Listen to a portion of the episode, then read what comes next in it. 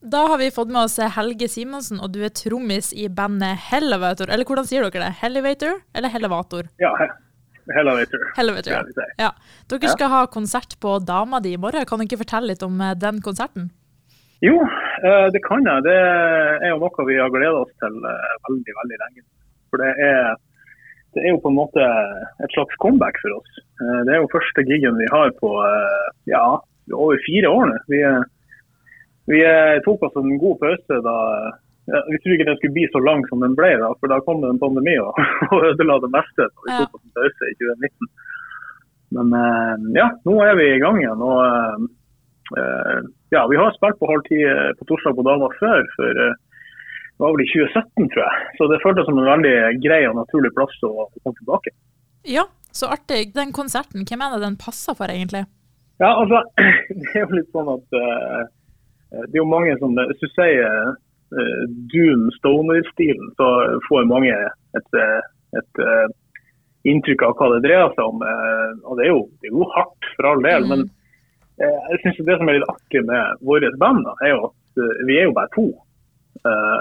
og jeg tror man kan bli overraska over hvor mye leven to fyrer klarer å lage ja. når, vi, når vi er på. men det, altså, det er Eh, jeg vil si at eh, det er for de som liker eh, rock og metal, så er det absolutt verdt å få med seg. Jeg, jeg hadde foran og hørt på det, rett og slett. Fordi at konseptet er så artig. At vi er bare to, og den måten vi på en måte gjør det på. Hvor lenge har dere holdt på i bandet deres? Ja, vi, jeg, jeg tror vi starta i 2014. eller 2013. Jeg er faktisk helt Jo, det var i 2013, jeg tenker på. Så vi har jo faktisk tiårsjubileum også nå. Ja. så det, tida flyr ja. utrolig fort.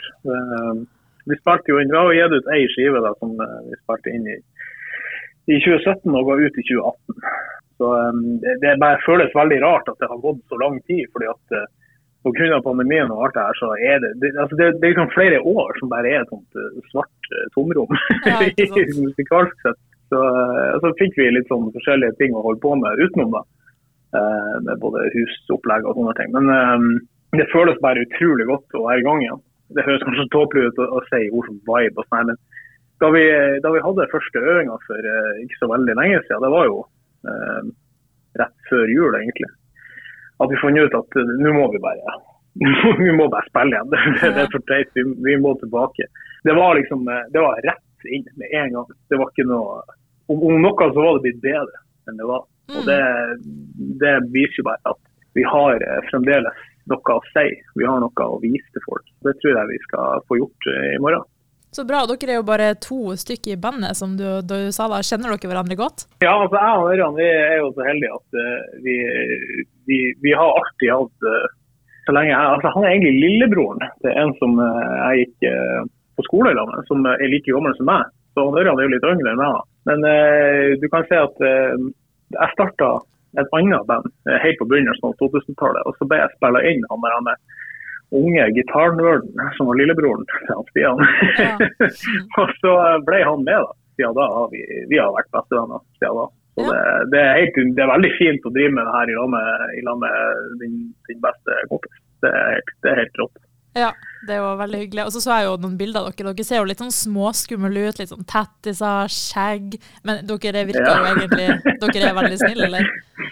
Altså, Det er jo det som er ironien her. det at ja. Eh, ja da, vi kan jo se både eh, Eller prøve å se tøffe og skumle ut, men tror meg noe snillere fyrer enn oss, det finner du ikke. Men det, og det er fordi at gjennom det vi gjør, gjennom denne musikken, så hvis du har aggresjon i deg, så er det en veldig veldig bra plass å få det ut.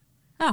Um, og det er jo ikke sånn det er jo ikke, altså, Jeg vet ikke hvordan folk er i, i oppfattelsen av metal, men black metal, ikke sant, uh, death metal, som går så fort, det er ikke det vi driver med. Det er mer seigt og, uh, og tungt.